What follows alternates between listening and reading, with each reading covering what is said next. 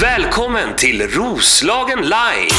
Det har hänt så mycket den här måndagmorgonen, men nu är vi full styrka i studion. Det vill säga Emma Fransén är här. Jajamän, god morgon. Och sen kom Jan Emanuel inbrakandes. Mm, Välkommen. tack så mycket. Jag vet inte vad som brakade riktigt, men eh, nu är jag här i alla fall. Det- var det svårt att hitta hit? Det var det väl inte? Ja, det är ju det där med när man är van vid en form av eh, logik. Så tänker man ofta att siffror kommer liksom så här 1, 2, 3, 4. Och Så tänker du. ja, så tänkte jag. Men det var inte riktigt så det var på den här innergården. Men annars, det var ju väldigt, väldigt trevlig lokal ni har hittat. Ja, den här är perfekt. Så sitter vi här och jobbar och gör radio och podd och alltihopa. Men nu, glöm allt det där. Nu är det fokus på dig. Eh, jag, jag skrev... Ja, nej, är det det? Ja, li- Lite åt bara att ett så här ensamt fokus låter läbbigt. Nej men, vi, nej, men vi är väldigt kärleksfulla här. Okej, ja, jag projicerar vidare på Mycket kollegan på sidan här om någonting blir jobbigt. Ja, det är bra. Jo, för vi, vi la upp på Roslagen Live att du skulle komma och då skrev jag entreprenören. Var det rätt? Ja, det funkar. Berätta, berätta för de som inte vet vem du är, vem är du? Det kanske, det skulle kunna vara den mest bökiga existentiella fråga som jag har fått någon gång. Okej. Eh, vad jag gör kan jag svara på. Vem jag, vem jag är, den är ju rent så objektivt svår att svara på på själv. Eh, Jag tror att det är, om man nu ska, om man ska gå från skämt till allvar så, så tror jag att sökandet efter vem man är, det tror jag är en pågående process genom hela livet. Och att man, jag tror snarare är att vem vill du vara? Eller vem vill du bli? Och sen agerar man utefter det utifrån olika etiska och moraliska linjer i livet som man försöker uppfylla, som man oftast misslyckas med. Men man, men man gör så gott man kan. Då ställer jag om frågan. Vem vill du vara och vem vill du bli? Jag försöker efter bästa förmåga agera hyfsat rättfärdigt. Jag tycker begreppet rättfärdigt är bra. Jag försöker göra eh, så gott jag kan. Det är väl ungefär så. Väl en... Sen vad jag gör för att försörja mig, det är ju en väldig massa olika saker. Och då har man ju gått ifrån det ganska, tycker jag, mer träffande begreppet affärsman till entreprenör för att det låter väl lite stekare gissar jag. Jag gör det. Jag tror det. Jag tror att entreprenör, alla så här låneord låter ofta lite så här. Man, tittar man på affärsfolk generellt så då försöker man ju böka till begreppen. Jag tror att det är så för ganska många olika skrån att man pratar om det man gör på ett så komplicerat sätt som möjligt för att man ska framstå så viktig som möjligt. Kunna sätta en extra Ja, det, på det, det är lite, just nu är det väl också poppis att vara entreprenör. Alltså jä- jämfört. Det, det är något som man vill kalla sig. Ett popord. Lite kanske. Mm, eh, så, så kan det nog. Ja. Jag har en fråga. Mm, fråga. Eh, nu då om så här, eftersom det är svårt att svara på vem, vem man är eller så, men hur ser en vanlig dag ut i ditt liv? Finns det någon dag som är så här, det här är ungefär en vanlig dag, eller är det olika varje dag? Eller? Ja, alltså vanligt är väl någonting jag försöker ducka så mycket som möjligt. För jag tror att livet blir ganska tråkigt om man gör exakt samma saker hela tiden. Man får, får försöka hitta saker som, som poppar till livet lite grann. Men det som är det vanliga i mitt liv som jag vill ha där, det är det jag gör med familjen och det jag gör med, jag har, jag har inte alls, min dotter har en hund. Eh, och, skulle man då, om man då skulle döma livet och vad man gör för någonting utifrån, vad man gör mest. Så då skulle jag nog vara en så här, om man, apropå låneord, en dog walker. För det, det är väl det jag ja, gör mest okej. återkommande. Så om du kunde, skulle du göra det mera? Liksom? Är det det som är... Ja, jag, jag tycker, Det är väl det jag tycker är väldigt, väldigt trevligt. Så är det att ta hand, sen försöker jag låtsas som att, in, att jag, oj, oj, stackars mig som får hela tiden ta hand om min dotters hund. Men egentligen så är det, det är väl kanske det jag tycker mest om. Att Ja. hänga med. Och vi Någon som verkligen vill hänga Vi med. la upp den där bilden på dig och hunden. Eh, vad är det för hund? Det är ju, räknas det där ens som en hund? Ja, det där är faktiskt Är det min... en annan hund? Ja, det där är, är en annan hund. Det där är också per definition min hund. Det, det är i, mitt, i min, mitt vinterhus i Havanna.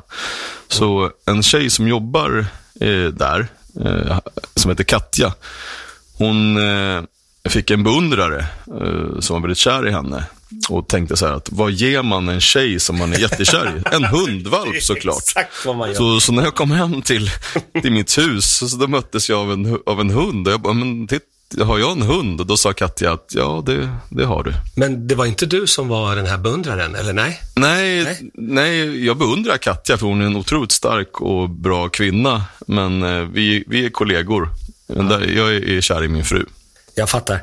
Men eh, jag, vill, jag gillar ju hundar. Jag är ju en sån riktig... Jag har ju till och med gjort en föreställning som heter The Dogfather. Ja. eh, Där jag pratar om hundar och så vidare. Vad, varför gillar du hundar? Eller är det, vad, är det din dotter som har lurat på dig hunden? För jag kommer ihåg när, när mina ungar var små. Då fick jag alltid gå ut och de köpte en Cavalier King Charles Spaniel och jag fick alltid gå ut med den där rackaren. Nej, jag skulle inte säga att jag på något sätt är- just förtjust i hundar som så här art. Utan jag tycker om djur. Och jag, jag tycker bara om djur. Alltså det har, all, det har jag alltid gjort. Sen är ju hundar, våran hund är ju en fransk bulldog. Och tittar man i rasbeskrivningen så brukar man se på andra hundraser så att den här hunden är jätte, jättebra på att söka upp saker. Den här hunden är jätte, jättebra på att gräva. Så läser man på rasbeskrivningen på en fransk bulldog så ser man att den franska överklassen hade tråkigt. Den här hunden är bra på att hålla sällskap. Den är alltså inte bra på någonting förutom att vara väldigt nöjd med att få hänga med dig. Ja, och det tycker jag det är ett privilegium att få vara med någon som inte vill någonting annat än att bara få vara med dig. Just. Eh, det dyker upp så många följdfrågor just nu i mitt huvud. Hur är ditt huvud? Ja, ja, ja. Jag har massor. Men vi måste spela musik. Annars så får jag musikchefen på mig. Han är två meter lång och väldigt stor. Oj, oj. Så att vi lirar musik, sen ska vi prata mer med Jan Emanuel här på Roslagen. Kör. Vi säger god morgon, god morgon. Vad roligt att låten hette Panama, för då blir ju min första tanke att prata om Kuba med dig. Mm, du är logisk som en följetong, verkligen. Men innan, innan vi går dit så vill jag bara säga att i, det, det roligaste händer ju i pauserna när, när musiken är på, när man börjar prata lite sådär. Och att du då som djurvän, det andra du säger förutom att du är djurvän, det är att hur ska det här finansieras då? Ett, så säger jag inte att jag var djurvän, det var du som sa, och vilket förvisso stämmer. Men det är sant att jag, att, att jag frågade, hur ska du finansiera det här då? Och, och det är, ni har en jättefin studio med massa teknik och fantastiska ljudtekniker. Jag blev väldigt glad när jag klev in i studion och kände igen Norrtälje och Roslagen, så kanske världens bästa ljudtekniker som sitter här ute. Har, har vi presenterat honom förresten? Ja, Ja, han kommer in med trafik och väder ibland. Ja, det- han gör det- radio också. Ja, exakt. Alltså han, han har gått från eh, supertekniker till trafik och väderreporter. Och, Mera. och ska vi säga hans namn samtidigt alla tre gånger då? Bo Lennart. Bo Lennart. Bo Lennart. Ja. Och eh, hör bara Bo Lennart, hur nästan det klingar Jan Emanuel och Bo Lennart. Ja, lika, li, lika, likadana Aha. så här, dubbelnamn nästan Just också. det. Ja. Just det. Nej, men Men- jag tog det som att det var en nyfiken fråga bara, att du Ja. vill att det ska gå bra för dem. Jo, men det, är- här, Hur ska är det här en- gå då? det, Liksom, är, så. Mm. det är en, både en nyfiken fråga och framförallt så tycker jag om saker när de liksom funkar i förlängningen. Och Ja. det är tycker jag, det, det, när man tittar på saker så tycker jag att en av de viktigaste sakerna man ska se efter är så här, hur funkar det? Hur kan, hur kan det här existera och hur kommer det kunna fortsätta att att existera? Och ser man fyra personer så inser man att det är väldigt få personer som bara äter ingenting. Utan ä, måste man äta mat så kostar Just det mat pengar och så vidare. Så ni måste finansieras och allting annat måste finansieras. Och då blev jag nyfiken på hur ska ni få in så mycket deg så att det här snurrar? Så mycket deg. Så mycket så att ni får en ekonomi som funkar. Ja, just det. Så det var en, en, en, en hjärtligt vänlig fråga, för jag vill att ni ska fortsätta finnas. Och så blev jag nyfiken. Jag, Ja. jag tog det precis som det. Och jag tycker det är roligt att, att du, är det, är det någonting som kommer tidigt för dig? Att, att du direkt ser, hur ska man göra affär på det här? Vad händer? Så liksom, att det ligger naturligt hos dig. Ja, ja det tror jag ligger, oavsett vad jag går in det Går jag in i en kiosk så, så är det första jag tänker, hur, oj, aj, aj, aj, så får jag ont i magen och tänker, det här blir ju inget vidare. Eh, eller så ser jag, oj, det här var coolt, oj, vilken, det här var genomtänkt, det här kommer bli tokbra. Vad, kan, jag, kan, jag, kan jag hitta någonting liknande? Kan jag, kan jag lära någonting av det här och så vidare? Mm. Och har du lärt dig någonting? Under livets gång, eh, eller tänker du exakt just nu?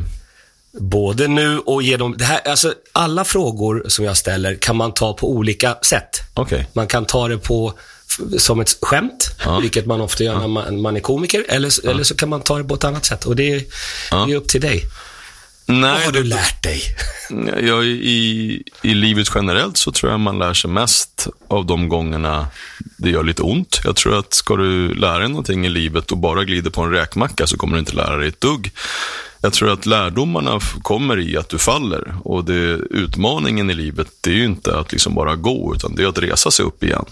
Så jag tror att som affärsman så lär du dig mest av de gångerna när du har kämpat, kämpat, kämpat och det går inte alls så som du hade tänkt dig men du kämpar vidare och kanske lyckas eller inte så har du i alla fall lärt dig någonting. Jag brukar säga det att jag har jag har aldrig torskat någonting, utan jag har bara fått betala ganska dyra läxor för att lära mig någonting. Och det tror jag är en viktig grej eh, i livet. Vad är den dyraste läxan då, för dig, hittills? Rent ekonomiskt så har jag ju gått in i projekt som har kostat mig hiskliga summor med pengar och som har lett dåligt. Eh, som, som tur är, och jag är väldigt tacksam för det, kunnat kompenseras genom saker som har rullat på bra istället. Eh, i, ser man det till läxor man kan lära som svider väldigt mycket mer än ekonomiska bakslag så är det ju i olika sammanhang där man har varit in i samarbeten eller där man har trott på någonting och man har liksom, enda man har kommit därifrån med så är det stora, stora hugghål i, ryggen av de återkommande knivhuggen som man kan få i, i politik eller i, i, i diverse olika sammanhang. I media kanske eh, i en stor del. Ja, just det. Hur hanterar du det då, när de där eh, grejerna händer? The ups and downs. Ja, under perioder så har ju de här rygghuggen kommit så pass frekvent så att det bara har blivit som en del i en vardag. Och det är ju- blir ju så att om du utsätter en kroppsdel för någonting tillräcklig misshandel så blir kroppsdelen till slut ganska hållbar. Eh, Precis som när du hugger ved under många timmar så får du ju så här eh, Valkar. valkar i händerna. Utsätts själen för tillräckligt mycket så får du ju även valkar på själen. Och det är det som blir sen när, när du räknar med att det här kommer, när jag träffar den här människan och äter med den här människan så kommer snart frågan så här, skulle jag kunna få, skulle du kunna ge mig, skulle, och så på olika sätt hur man vill ha någonting. Ah, ja. Och det kan ju tyckas vara att, men inte det är ett tråkigt sätt att se på livet. Ja, jag tror ju snarare att, att det, det att räkna med att saker och ting inte alltid är guld och gröna skogar, att alla människor vill dig väl. Det tror jag snarare är ett sätt att inte alltid gå runt och vara ledsen och besviken. Utan man ser ganska, ska man säga, krasst på verkligheten. Jag fattar. Eh, nu, nu, nu ska vi växla spår, för nu, nu är vi på väg in på en väg som jag tänker att morgonshowen inte ska ha. Men, men Jag tänkte, jag tänkte snarare så här att du, du måste ju säga mycket om dig, att du har mycket resurser att hantera motgångar med. Att du, så här, du har egenskaper som gör att, så här, ja men jag kör vidare. Du lägger inte platt liksom, nej men då skiter jag i det här, jag gör så, Nej, men då några tar vi nästa Jag- grej. Jag, jag tror just så, det du är inne på, Ja. att det, det, man, det man fångar upp av det här, det är ju inte att så här, det är att det är inte på något sätt att man blir bitter. Om Nej. jag märker så här att, fan, du bjöd hit mig och Mm. så säger du så här att, idag ska vi bara prata om solsken. Och sen så säger du så här, hörru du Jan Emanuel, 1999 såg jag att du gjorde det här. Vad fan, och så, och så Ja. har du liksom egentligen bara grävt en grop för att du vill frammåla, du vill Ja. Mm. liksom måla ut mig som en, som en dåre. Det är inte så att jag blir bitter, utan jag utan tänker, "Ha, en till av, de, av likadan värdelös journalist. Ja, tänker det, jag bara. just Det. är inte så att jag blir ledsen, utan jag bara, "Ha, så, så var det med det. Liksom. Det, det händer ju varannan gång ungefär. Just det. Så det, ja, det är bara ett sätt att, att eh, kunna gå vidare utan att bli just bitter eller skadad av livet. Ja. Men så vad är, vad är dina tips då? Du har, du har din rustning på dig, du släpper inte in någon innanför skinnet. Nej, det gör jag. Det- Alltså jag släpper in folk. Det är bara det att jag, jag räknar ju en... Om jag... Om, eh, om någonting eh, luktar skit och ser ut som skit och smakar som skit så är det ju oftast skit. Det är det. Just Och det, Måste man smaka det, det, på det? kommer ju inte, ja, jag säger, ibland så är det det som är baksidan. Ibland måste du göra det för att verkligen se vad det, vad det faktiskt var. Ja, om du träffar en människa så då kan du inte bli så helt förvånad att det var just en människa. Med dess brister och dess icke-brister. Ja. Alltså livet är inte enkelt. Alltså, även om vi är i ett humorprogram nu där vi ska liksom få människor att må bra. Så skulle jag säga att det, stör, det mesta i livet är ganska plågsamt. Det är ganska mycket motgångar. Alltså, det är mycket skit som händer. Och det svider att vara människa. Och det kan man antingen förneka och leva i sin liksom Facebook-värld. Där man säger, åh jag älskar och allting är underbart. Och jag gick ut med det här och gud vad skönt det var idag. Och, ja, det är solen lyser nog bakom molnen då. Eller så säger man bara, ja men livet är ofta skit. Och det, det är någonting som du behöver ta tag i. Alltså det, det, livet är hårt och det är lite av en una lucha. Det är, alltså, det är en kamp att leva. Sen är det mycket bra saker också. Men att förneka det, att Ja, just fan, det. det här är en kamp, då, då lurar du ju bara dig själv. Ja, Eller in, inte ens det, du ljuger bara för dig själv. Jag skriver, det här, Precis, till, till slut tror jag dock... eh, det här är visdomsord. Vad skulle du säga? Jag tänker då, då kraschar man till slut ändå på något sätt om man bara inte vill kännas vid att det finns båda sidor liksom, av livet. Om man kör på och låtsas att allt är bara bra hela tiden. Alltså någonstans Ja, så måste man inse. Och jag tänker ofta att jag blir så förvånad att människor orkar bli förvånade längre. Så här, ja, vadå, alla sorters människor finns och allt alltså, så här, Jag kan känna mig jättetråkig att det liksom, ja nej, jag blir aldrig förvånad över någonting längre. För att man, man vänjer sig vid, liksom när man träffar på många olika människor och så här. Eh, men det gör ju också att man inte blir, det tar inte så hårt på en längre då Nej, heller. men, exakt så. Så. När, när du säger så här, men, men han ljög för mig. Så frågar jag, Ja, "Jaha, precis. var det en, var, var, det, var det en hund? Bara, nej, det var en människa. Ah, Ah, just fan det. kunde du bli Ja. förvånad? Ja. Du, Välkomna till Cyniker och, och, och jag skulle säga, cynismen har räddat mig från så mycket själslig smärta. Så det, jag tror att, att just det här begreppet som man ofta pratar om i negativa, i negativa termer, alltså att vara cyniker. Åh, Ja. du är cynisk. Just. Eh, ja, tack så mycket. Det är alldeles korrekt. Ja, men det tror jag är jag bra, går runt för då- med en hel påse med verklighet här som du skulle kunna bara smaka av med din blundande, ja, och så vidare. Men det tangerar humor tänker jag också, att då kan man se på livet med lite humor också. Ja, det var väl Ja, inte måste mer, alltså, kunna ja, det var det jag förväntade mig och det var, blev så. Alltså, ja. Jo, men det måste du kunna Ja, skratta åt. precis. Alltså, om, Ja. om, du, om, du tar, om du tar allt skit som du får i ansiktet i livet och verkligen så här, suger in det och gråter åt det, då får du inte göra någonting annat än att gråta. Nej, precis. Men däremot att Ja. kunna se att så här, ja, men det här kommer ju det här gick åt helvete, vilket jag kunde ha räknat ut med vilken kroppsdel som helst. Och så ja, skrattar jag åt det och så tar jag nästa steg Ja, istället. Liksom. precis. Ja, det, här, det här är... Många frågor dyker upp, men som vanligt, vi måste spela musik. Ja. Det är ju lite musik också. Och nu kommer Whoever Broke Your Heart. Eh, inte speciellt till dig, Jan Emanuel, utan till alla som har fått hjärtan krossade. Ja. Vi säger god morgon, god morgon. God morgon. Det är en, eh, en av de mer spännande... Vi har ju haft några gäster, Emma, du och jag. Ja. Men det här är ju en, en av de eh, lite mer spännande gästerna. Eh, hittills. Ingen, ingen no offense till de andra gästerna, härliga gäster. Men du är ju djurvän, har jag, har jag bestämt. Eh, du gillar också kampsport. Mm. Hur, hur går det här ihop egentligen? Kan man både gilla djur och kampsport? Ja, nu, det finns en korrelation som inte jag begriper nu riktigt. Men, men jag fångar upp den liksom, eh, så gott jag kan. Det, det är en komiker som ställer frågor. Här, Du får alltså frågor som du aldrig har fått tidigare. Mm, Precis, och, och, och i mitt sätt att bemöta Ja, ja. komikern, det är, att, det är att försöka ta det på ett allvarligt sätt så att det blir lite komik i det istället. Då. Ja, ja. Men ta kampsporten till exempel. Det har ju, jag har ju egentligen tränat under hela mitt liv. Men eh, sista åren har jag varit ganska dålig. Eh, för att jag är ganska dålig för att jag, strä- jag, vet, börjar, börjar, jag gör illa mig när jag liksom, jag kör lite, eh, det, är inte lika enkelt när man är 45 som när man var 20.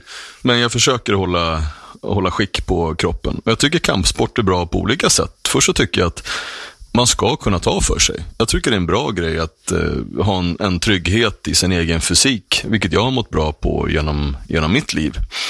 Eh, den i korrelation till dju- hur- om jag kan vara djurvän parallellt, så den, den, den har jag svårt att få, att, att, att fånga. Men jag får väl liksom försöka se den så här som att, ja men, som, ehm, det är bra att eh, kunna lite kampsport om någon kommer och är dum mot din hund då. Ja, just Ja, det är, det, är, det är ett väldigt bra svar. Det är också lättare att bära till exempel en katt på armen om man har lite arm. att lägga Ja, den på. Kan man bära en, absolut. en katt på vargar. Kan man... Ja. Ja, till exempel. Till exempel. Ja. Eller En, en, ja, det, Ja. Bra. Eh, vadå, Emma, fick, vad- det var väl en jättebra fråga? Det var en ganska Ja, konstig ja. fråga. Alltså mina frågor, de, de kommer bara snabbt. Jag står bara här och känner spänningen så här. Åh, åh, åh, ja, mm, okej. Frågar. Mm. Har du någon? Ja, men nu så avslöjar ju du att du har träffat din fru med anledning av Väddö folkhögskola på något sätt. Och det är ju många som har träffat liksom, Fruar. fruar där. Ja, genom år. Hur- Blivande Vill du berätta någonting? Något minne från folkhögskoletiden eller något? Ja, jag förstod ju att du, du jobbade på Ja. ja. folkskola. Och ska man se till olika perioder i livet som man kommer ihåg med glädje eller med annat än glädje så måste jag säga att Väddö folkhögskola, kanske främst i efterhand, eh, Eh, är det kanske eventuellt en av de finaste perioderna jag haft i, i livet. Både för att det var en ganska rörig period när jag klev in där och att den på väldigt många sätt både hjälpte mig och förändrade mig och vad jag tycker gjorde mig till, ja, jag, jag, jag hittade ganska mycket delar av mig själv under de här två åren som jag tillbringade och bodde på, på skolan. Och där jag också träffade min fru, vilket är väl den viktigaste och bästa händelsen Vad heter hon? Mitt liv. Hon Annika. Annika. Mm. Eh, och sen alltså skolformen som sådan, särskilt för människor som kanske är lite oroliga i själen, är ju den bästa skolformen som finns. Jag läste ju in delar av grundskolan och delar av eller, kanske inte, inte jättestora delar av gymnasiet, men ändå vissa delar av gym- gymnasiet. Så du gick på- allmän kurs som det heter? Jag gick som, allmän- mm, upp. allmän kurs. Ja. Och då- När var det här då? Vad var det för... Ah, scheisse. Eller hur gammal var du? Jag var väl, kan, kan jag, o, tveksamt om jag fyllt 20, men där, Ja, där, ja, okej. däromkring. Mm, jag, just det. 19, Ja. 19 var jag. Ja. För att, Just det. ja. Men vad pluggar du för något då? Nej, men då läste jag in Han läste allmän kurs. allmän, allmän kurs. Det fanns olika, det fanns en, en danslinje det, och, så vi fann, så, och så fanns det en eh, sy och så här, hej vi lär oss göra trasmattor-linje. Textil, konsthantverk. Textil, Precis. konsthantverk. eh, och så Det hette inte det där som du sa. Nej, vi, vi gick definitivt ut på det. Och sen så fanns det en friskvårdslinje. Just det. Och där, på friskvårdslinjen, där gick min fru som ehm, eh, då hette det aerobikinstruktör, Ja, ja. var hon då. Och så skulle hon utveckla den, Just. den delen. Aha, okej. Och eh, jag vet inte om skolan fortfarande är det, men det- på den här tiden i alla fall, det låter ju som att det var för hundra år sedan. Och det var, Ja, nästan. Det var nästan det också faktiskt. Så var, eh, det var en drogfri skola. Så att eh, den allmänna linjen var lite av en frizon för många människor som hade eh, psykosocial problematik som ham- hamnade på den, på den linjen. Just det. Mm. Och det var, eh, det var oerhört bra helt enkelt. Och det är många folkhögskolor som har det. Vi har ju fortfarande alkoholpolicy och liksom, droger är ju alltid förbjudet, men alkoholpolicy också. Eh, så det gör ju att det blir en väldigt lugn stämning och liksom, Mm. Nej, och det, här, det här var ju ett, liksom, ett, ganska, ett ganska starkt fokus då när jag gick där. För då var det ju som sagt var väldigt mycket ex-missbrukare och ex-trassel på den linjen. Eh, inklusive undertecknad. Så det var, ja, det var helt enkelt en fantastiskt bra eh, period och jag är tacksam för den. Gjorde ni några utflykter eller något? Har du något minnen? Så här, det här, något ni gjorde? Från väddan. Ja. Nej, men alltså, det, det, var, det var... Om man ska se minnen så skulle jag väl snarare se det som när man kommer någonstans och man är väldigt, väldigt smittad av den subkultur som du, som du kommer ifrån, då har du ju ofta idéer om vad som är rätt och fel. jag tycker att så här är det. När jag kom till skolan så hade jag ju en, en ganska perverterad bild, både av mig själv och ifrån, runt omkring, där man tyckte att de som var som var, jag var ju extremt balla och tuffa och, och så som en 19-åring kan, kan vara. Och tyckte att alla då som inte var det var ju precis tvärtom. Och då kan du tänka dig när man kommer dit och så träffar man de här dans, alltså människor som på riktigt, inte bara visuellt, hade knätofsar. Ja, just det. Alltså Det som var ju folkdansarlinje exakt. var det De ju. hade knätofsar. Och Det att måste varit en chock. Ja, men det var, det var, och det, och det var verkligen så, de människorna som man verkligen säger, men oj vad jag upplevde frakt gentemot de här, som man tyckte, vilka jävla tomtar, varför, varför, varför, varför, varför finns de? Man bara andas in den luften som någon annan borde andas. Liksom. Men hur som helst så, så tvingades man ju in Vad i... hård du var. Ja, men alltså, man, när man är Ja, 19 år ja. så är man ju lite så. Liksom.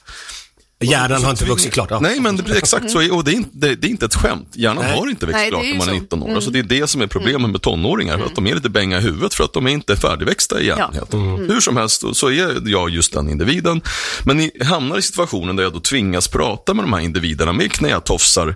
Och hamnade, jag minns det tillfället när jag hamnade i, det fanns ett litet rum där man satt och kollade på TV. Och så kom det två stycken knätofsar och satte sig i min soffa.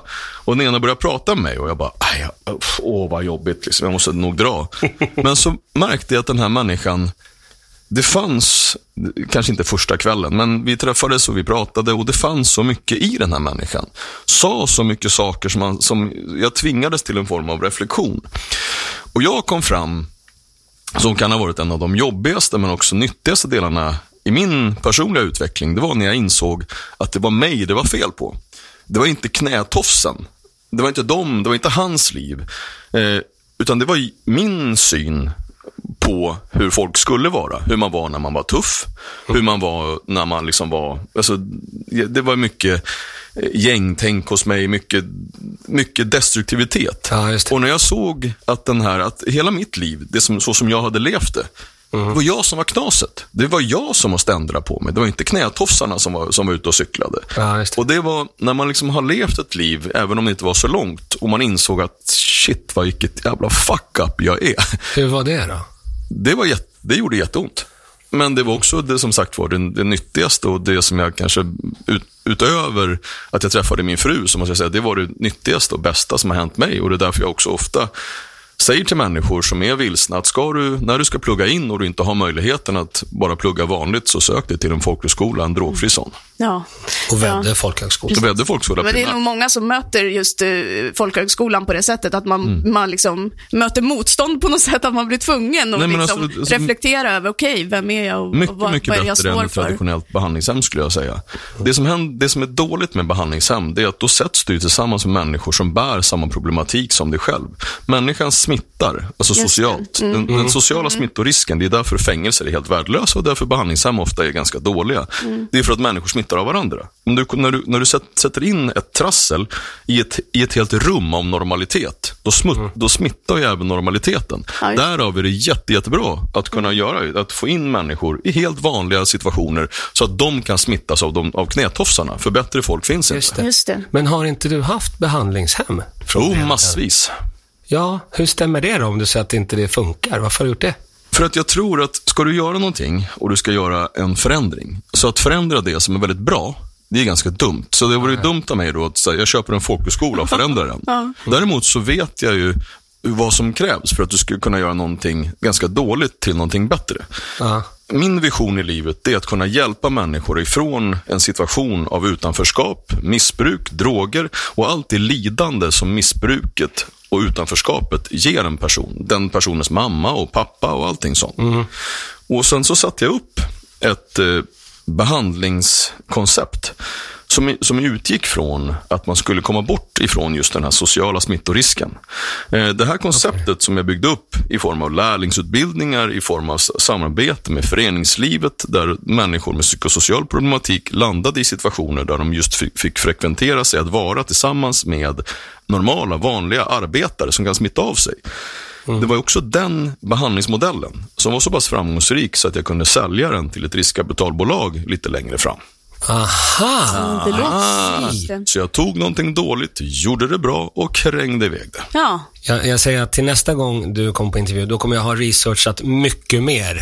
För det här... Det var Eh, inte lika spännande. nej, då får man inte reda på några nyheter. men det, och det är jag, jag är lite sån, eh, så säger jag till folk tror jag, lite sådär bara, ja men eh, det första man gör när man har gått ut gymnasiet eller funderar vad man ska göra sen, så här, men in med dem på folkhögskola ett år bara. Så, det är lite som, ja, men, som lumpen eller vad som helst, att man får ett år eller lite till att göra någonting där man tvingas träffa andra och liksom, Ja, eller för- eller in på folkhögskola om de funderar så. Ja, eller främst när du har missat grundskolan. Ja, alltså när du, ja, du har liksom inga, inga betyg att kunna söka på Ja. och du är, en, du är bara vilsen Mm. och mår skit. Ja, landa då på en folkhögskola, för där, där, där är risken att du fa- att du ställer till det så pass mycket mindre. För där finns det liksom, en, det blir en, mycket av en familjekänsla och mycket folk som bryr sig och framförallt folk som du aldrig någonsin skulle träffat i vanliga fall. Mm.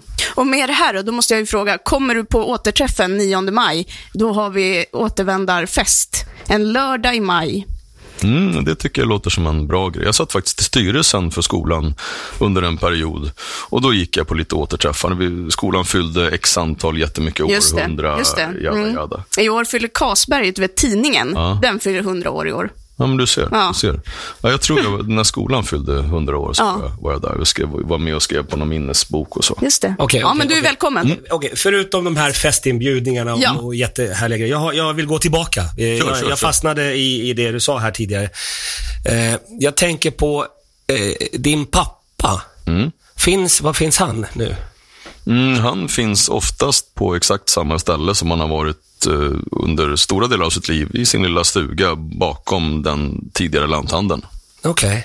Han flyttar man inte på och, och min följdfråga då är, hur, hur är eran relation? Alltså jag tänker om du var trubbel där 19 och 18 och runt omkring.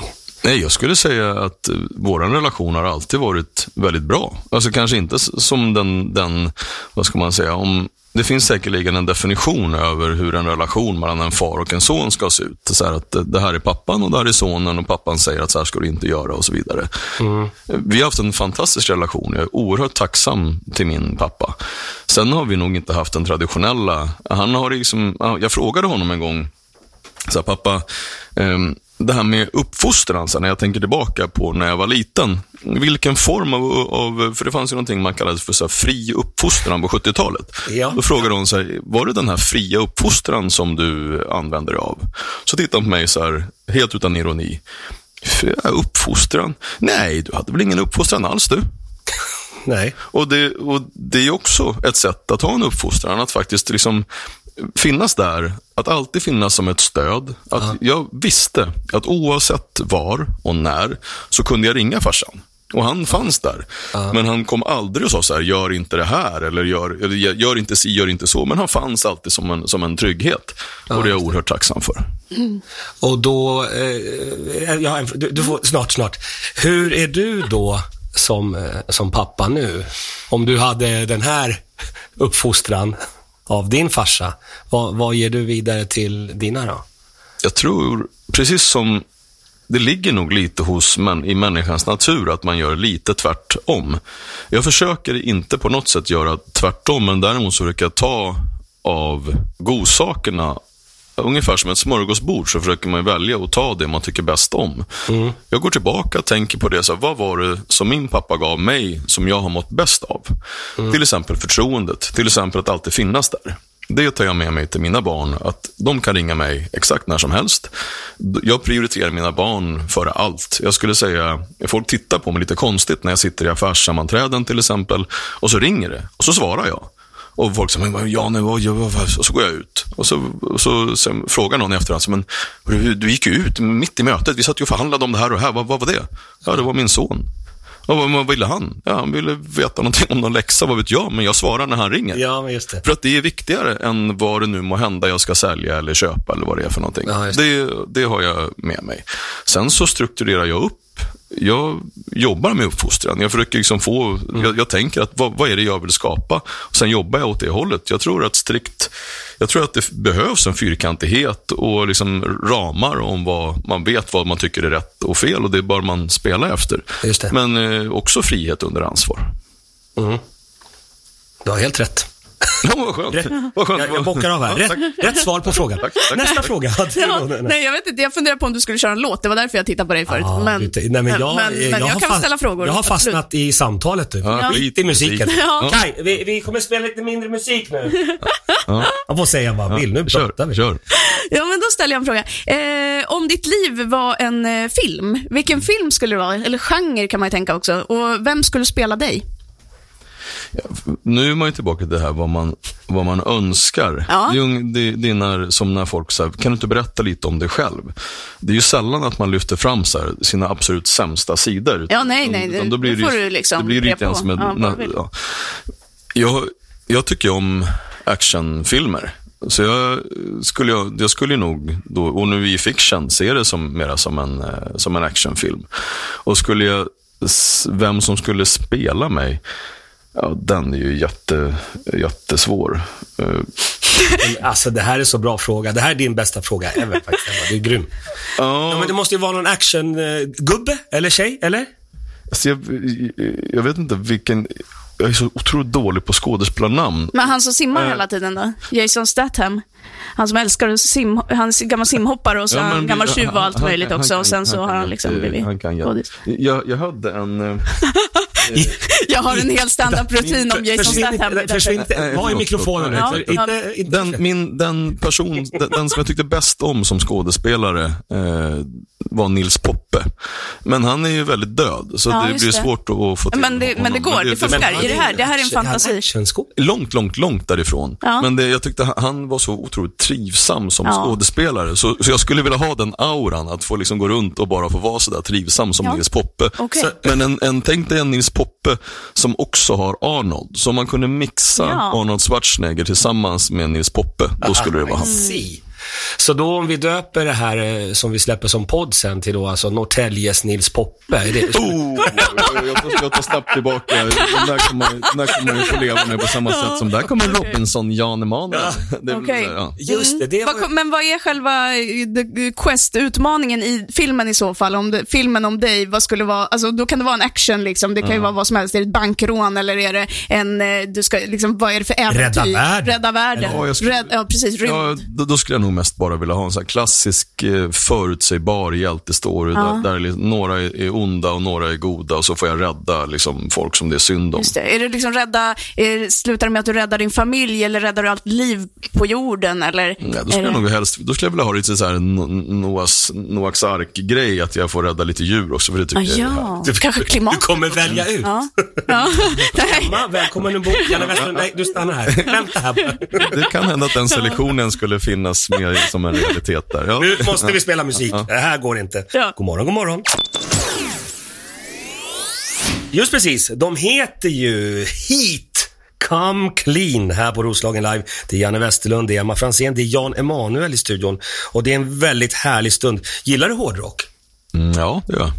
Är, är det favor- favoritbandet? Vad, vad heter de? Vilka är det? Nej, favorit. Jag skulle säga att... Eh, Här är den avgörande frågan. Vilken musik? Nej, men när det, när det gäller genren hårdrock så då har jag nog eh, Deep Purple som en av mina favoriter. Judas Priest, även så här klass, det, Metallica när de är hårda. Och sen, det kan väl låta lite populistiskt att säga, In Flames tycker jag har, har gjort några skivor som är riktigt bra. Men jag lyssnar mestadels när jag inte tränar eller så, så kör jag mest eh, reggae och mest svensk reggae nu för tiden. Jaha, varför då? För att reggaen har eh, ofta ett budskap. Eh, också för att jag har följt med mig från att jag var liksom tidigare en tonåring. Där jag växte upp så lyssnade vi bara i stort sett på, på reggae. Just det. Och sen har det utvecklats så jag tycker att den, den svenska reggaen är, har inte fått den credden som den skulle behöva. Jag är ganska ledsen över att den här, det som kom nu i form av det man slarvigt kallar gangsterhiphop gangster-hiphop i den svenska musikkulturen, den luktar så mycket inte gott så att det är fantastiskt. Och jag hade hoppats på att den, för det, det fanns under en period som när till exempel eh, Labyrint spel, kom igång och lirade eh, svensk reggae. Och då fick det liksom en uppgång. Ja. Eh, Governor Andy och de, när, när de kom, de fick aldrig ett genomslag trots att de egentligen förtjänade det.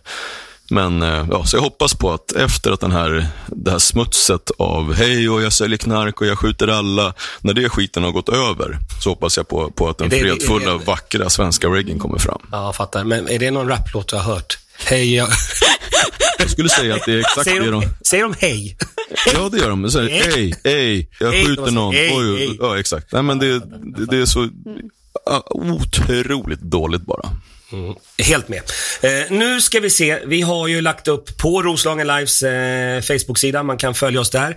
Eh, man har fått ställa frågor till dig, Jan Emanuel. Den första frågan är ju, eh, det är Daniel Leo som säger, han har så många frågor. Haha!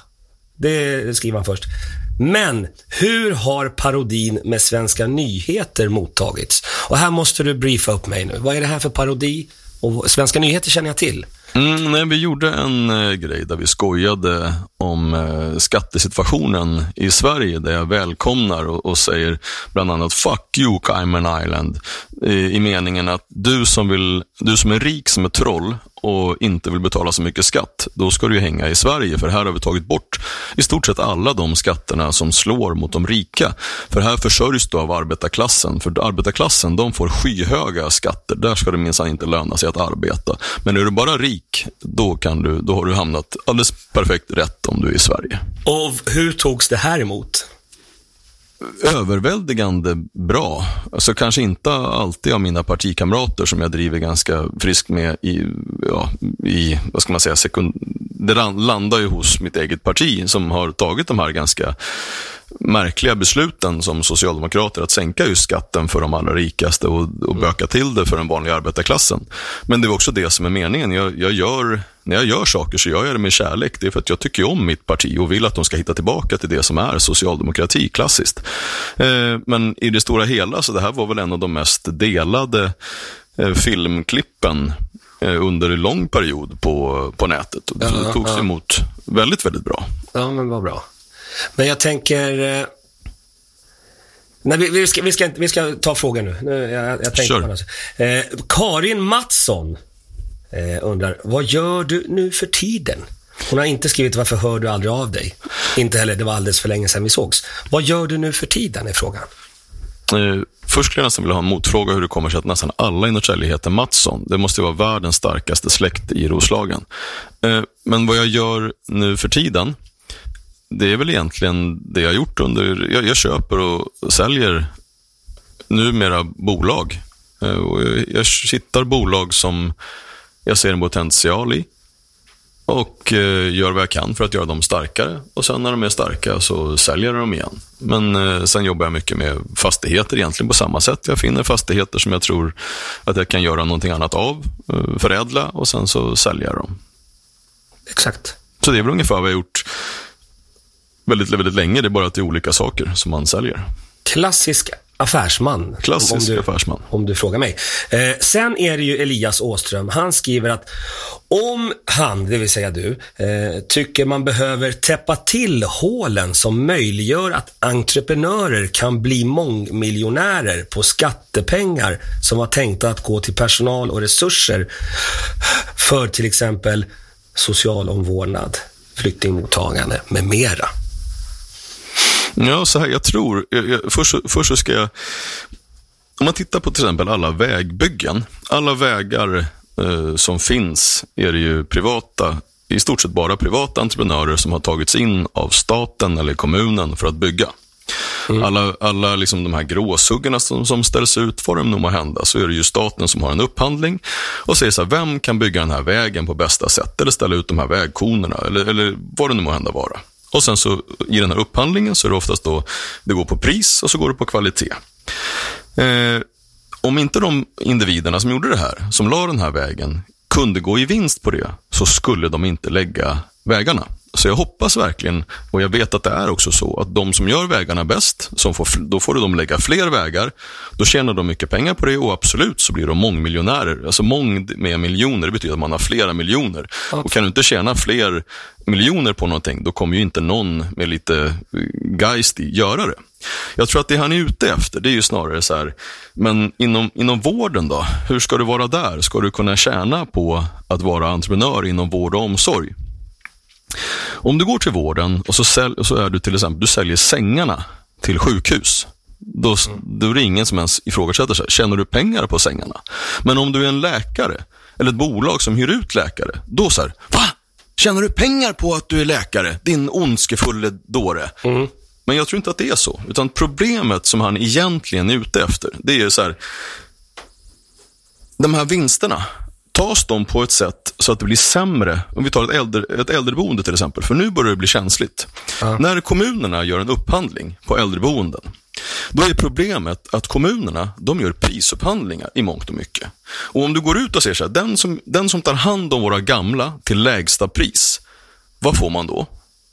Mm, då får man... då får man fan ingenting bra. Nej, men- Utan det som är felet är att man inte gör kvalitetsupphandlingar när man säger den som ger bäst kvalitet till våra äldre får göra det här. Så smutset kommer ju först och främst i kommunernas upphandlingar som, som verkligen öppnar upp för de sämsta utförarna. Eh, problemet är inte att om det är statligt, om det är kommunalt eller privat, utan, utan det man ska titta efter. Vad, vad är bäst för de som köper vården? Och om de privata ger bättre kvalitet, så självklart så ska man gå till de privata. Och det är klart som attan att de som levererar det ska tjäna pengar så att de känner att de ska göra mer av det som de är bra på. Skulle det visa sig, vilket det verkligen inte har gjort, att kommunerna skulle vara de bästa utförarna av vård och omsorg, då ska bara kommunen göra det.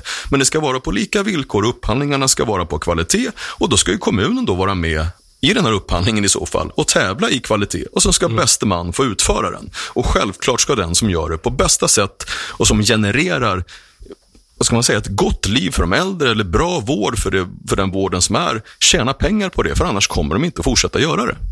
Så enkelt är det. Jag märker att du blir lite, du blir lite intensiv, eller det, du, höj, temperaturen höjdes lite här. Nej, jag, jag, jag tror att det är så här att det är så, när man vill missförstå någonting, eller när man, så här, när man så uppenbart inte begriper någonting. Till exempel som när man sätter ägandeformen som det viktiga. När man så här struntar egentligen i hur blev det för, den gamla, för, den här, för de här ä- åldringarna som bor på äldre... Sån, huvudsaker, är det bara kommunen, så skit i om, ung, om de här äldre får ligga i sin egen avföring, men det var kommunen som ägde det, då gör det ingenting. Jag tycker att det är så urbota korkat. Alltså hur, hur kan man ens tycka att ägandeformen är viktig? Det måste väl ändå vara vad som kommer ur ägandeformen för de människorna som faktiskt ska ha vården. Och, Men- och, om man då ser, ser till frågan så här, om det skulle vara så att den privata entreprenören levererar någonting som är dåligt och springer därifrån med jättemycket pengar. Ja, då ska ju han inte, hur kunde han ens kunna komma med på den här upphandlingen? Och självklart ska han konkurreras bort och inte existera någonting mer. Just det. Vad sa du?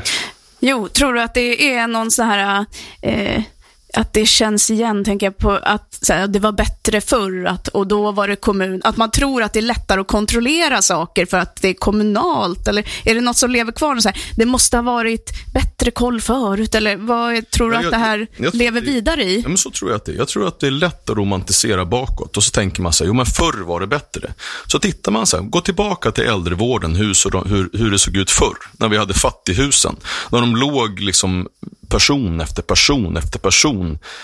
Alltså det, det var vidrigt förr. Det var verkligen inte bättre förr. Det var mycket, mycket, mycket, inte lite grann, utan mycket, mycket, mycket, mycket sämre förr. Men det, det kan man ju inte veta om man inte varit där, eller om man inte ens orkar gå tillbaka och titta hur det faktiskt såg ut. Just det, eller om det inte blev lika granskat heller, kanske. Nej, jo, Så, det, fann, mm. det fanns inte liksom den... Nej, men exakt. Men tittar man på hur det ser ut nu och så tittar man på hur, hur såg vården ut för kanske 20 år sedan. Så tittar man så här, men, men då fanns det ju fler. Just nu så har vi legat på över 100% beläggning på våra sjukhus i kanske 3-4 år, vilket är vansinne. Eh, det är dåligt. Det är inte för att det är privata eller för att det är statliga eller kommunala eller liksom, om det är 1000 eller inte. Utan det har ju också beroende på hur mycket människor som det har varit och hur mycket människor som det blev. Men också i neddragningarna när man, så, när man pratar om så kallade effektiviseringar. Tittar man, tar man 1000 som ett bra, ett bra exempel som är tragiskt i mångt och mycket, det är att när man gör en besparing till exempel, så gör man besparingar precis där man inte ska göra det. Det vill säga på de personerna som faktiskt utför vården och höjer kvaliteten för de som ska bli vårdade. Istället för att just ta bort man, mellanchefer, ta bort administratörer, ta bort de här fantastiska grejerna som man ser i, i både kommuner och i 1000 informatörer som ska liksom ha som jobb att berätta hur bra det är fast egentligen det är dåligt. Det finns otroligt mycket att göra. Har vi några fler lyssnarfrågor? nu skulle du fråga så här, borde det inte vara bättre då att du tar över 10 och drifter? Ja, det är alldeles korrekt. Det blir mycket Ja, bättre. så det är nästa projekt? Eller? Ja, jag har Nej, den frågan-. Jag har den försökt. frågan- den Jag har frågan är försökt inte ställd. och- och nej, Jo då, då, jag hörde, jag hörde att hon tänkte det. Och absolut, så ja, jag tycker att jag ska har få, ska få köpa den. den Ja. Är du sugen på det eller? Ja, jag har gått ut, jag har också försökt under flera år att få ta över 1000. Jag hoppas på att nu när man skjuter till extremt mycket extra pengar och man kommer se att det kommer inte hjälpa för att det inte liksom, om man tar bra pengar och kastar på dåliga så blir det inte bättre. Om du har en dålig idé och kastar mera pengar på den dåliga idé, idén så blir inte idén bättre. Utan det finns mycket annat som behöver förändras inom den organisationen. Eh, vad lustigt att du pratade om det där just nu, för vi har fått en fråga från Bino Drummond. Ja. Ja. Eh, apropå dåliga idéer, eller nej, det är inte apropå någonting, utan frågan från Bino Drummond är så här. Fråga varför han aldrig döper någon av sina bilar efter mig. Nu ska jag göra en sak.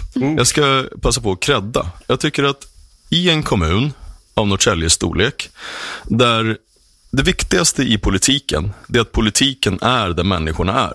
En politikers roll är att tjäna folket. Ingenting annat. Det finns ingenting annat som en politiker, politiker ska göra än att tjäna folket. Att vara och förstå situationen för vanliga människor. Jag måste säga att Bino Drummond har fångat upp sitt uppdrag på ett exemplariskt sätt. Bara det att när jag de gångerna som, jag, som jag, det plingar i min telefon och så är det någon så här jada jada i Roslagen, det är politik i Roslagen eller vad det nu må hända vara, så är Bino där. Alltså i sociala medier, bara det att han skriver in till ett lokalt radioprogram och är med som en riktig vanlig människa. Jag tycker att det är imponerande på, jag, det är få människor, få politiker som, som i det kommunala som jag tycker gör den delen på ett sånt proffsigt och igen, alltså inkännande sätt som Bino. Så hatten av där. Så jag kommer definitivt på frågan. Ja, jag kommer döpa en, en bil efter, efter Bino vad det lider. Det kommer bli så. Bra, bra, bra svarat. Ja. Hade du någon mer fråga? där? Sista frågan var ju då mm. våran eh, standardfråga. Eh, en dold talang. Har du någon dold talang? Eller något du så här, som folk kanske inte vet att det här är du bra på? Jag önskar jag kunde säga något. Jo, absolut. Jag har alltid spelat gitarr, vill ni höra? Men jag är, nej, jag är... Jag, Här kommer gitarren. musikaliskt. Nej, jag har inga vad jag kan komma på sådär. Det här är jag jätte, jättebra på. Jag trodde att jag kanske kunde vara bra på att laga mat. Jag var med på ett matlagningsprogram där jag tävlade mot Matstina precis och tänkte att det kommer nog av sig självt där, med någon form av automagi. Och bara jag utsätter mig för tävling så kommer Okej. jag ju som, liksom blomstra ut. Börja leverera. Eh, domaren sa så här att, eh, när vi åt sen, så han så här, tycker du att det är gott? Jag bara, ja, men ändå sådär. Han bara, nej, Jan Emanuel, det här var jätteäckligt. Det är bland det äckligaste jag ätit faktiskt. Ja, ja. Så nej, jag har inte, vad jag, vad jag vet, Men några dolda. Kan du dansa folkdans med knätofs? Det måste du kunna göra om du har varit två år i, på väddan. Jag önskar att, alltså på riktigt önskar jag att jag hade lärt mig någon form av dans. Jag, skulle, jag har försökt att lära mig, jag, jag kan dansa lite salsa. Jag önskar att jag hade tagit lite mer tid till att faktiskt lära mig sådana här saker. Och det är väl, om man nu ska skicka med saker till, till nästkommande generationer, våga göra det där lite töntiga. Våga lära dig dansa, spela, spela gitarr, spela vad det nu må hända vara för någonting. För att det har man med sig i livet. Det finns så mycket, alltså, att kunna prioritera och göra de här sakerna som man tänker att jag skulle vilja, men jag gör inte för att det känns, det är lite kymigt. Skit i det, lär dig det och ta med dig det med i, i livet. Stiligt. Ja. Eh, nu ska vi wrappa upp. Var Ja. följer man dig på social media? På Instagram, Emma Fransén, går bra. Mm. Bra. Ja. Jan Emanuel, vad, vad, vad kan? Instagram på Jan Emanuels Vad är dagens a- af, aforism? aforism. Vad är dagens aforism? Den slängde du jag sådär rakt upp och ner, så skulle jag bara komma fram med någonting. Då ska jag säga att... Jag tror att du eh, går- inte upp klockan fem och skriver, du vet, sätter dig i badet i lotusställning, skriver. Nej, det är inte så. eh, då skulle jag säga att idioternas mamma är alltid gravid. Ah. Nej, den var inte så snäll. Den var- Men- den var hård. nej, men den var, den var, Den var- nej, nej, den var hård. Men då, då, det i och med att det var ett humorprogram så får man Ja. bara säga. Ja, det finns andra också. Ja. Hörni, det här har varit en härlig morgon. Tack Jan Emanuel. Tack Emma Fransén. Jag heter Janne Westerlund. Jag finns på enkomiker.nu. Vi säger god morgon och på återhörande. God morgon. Hej! Välkommen till Roslagen Live!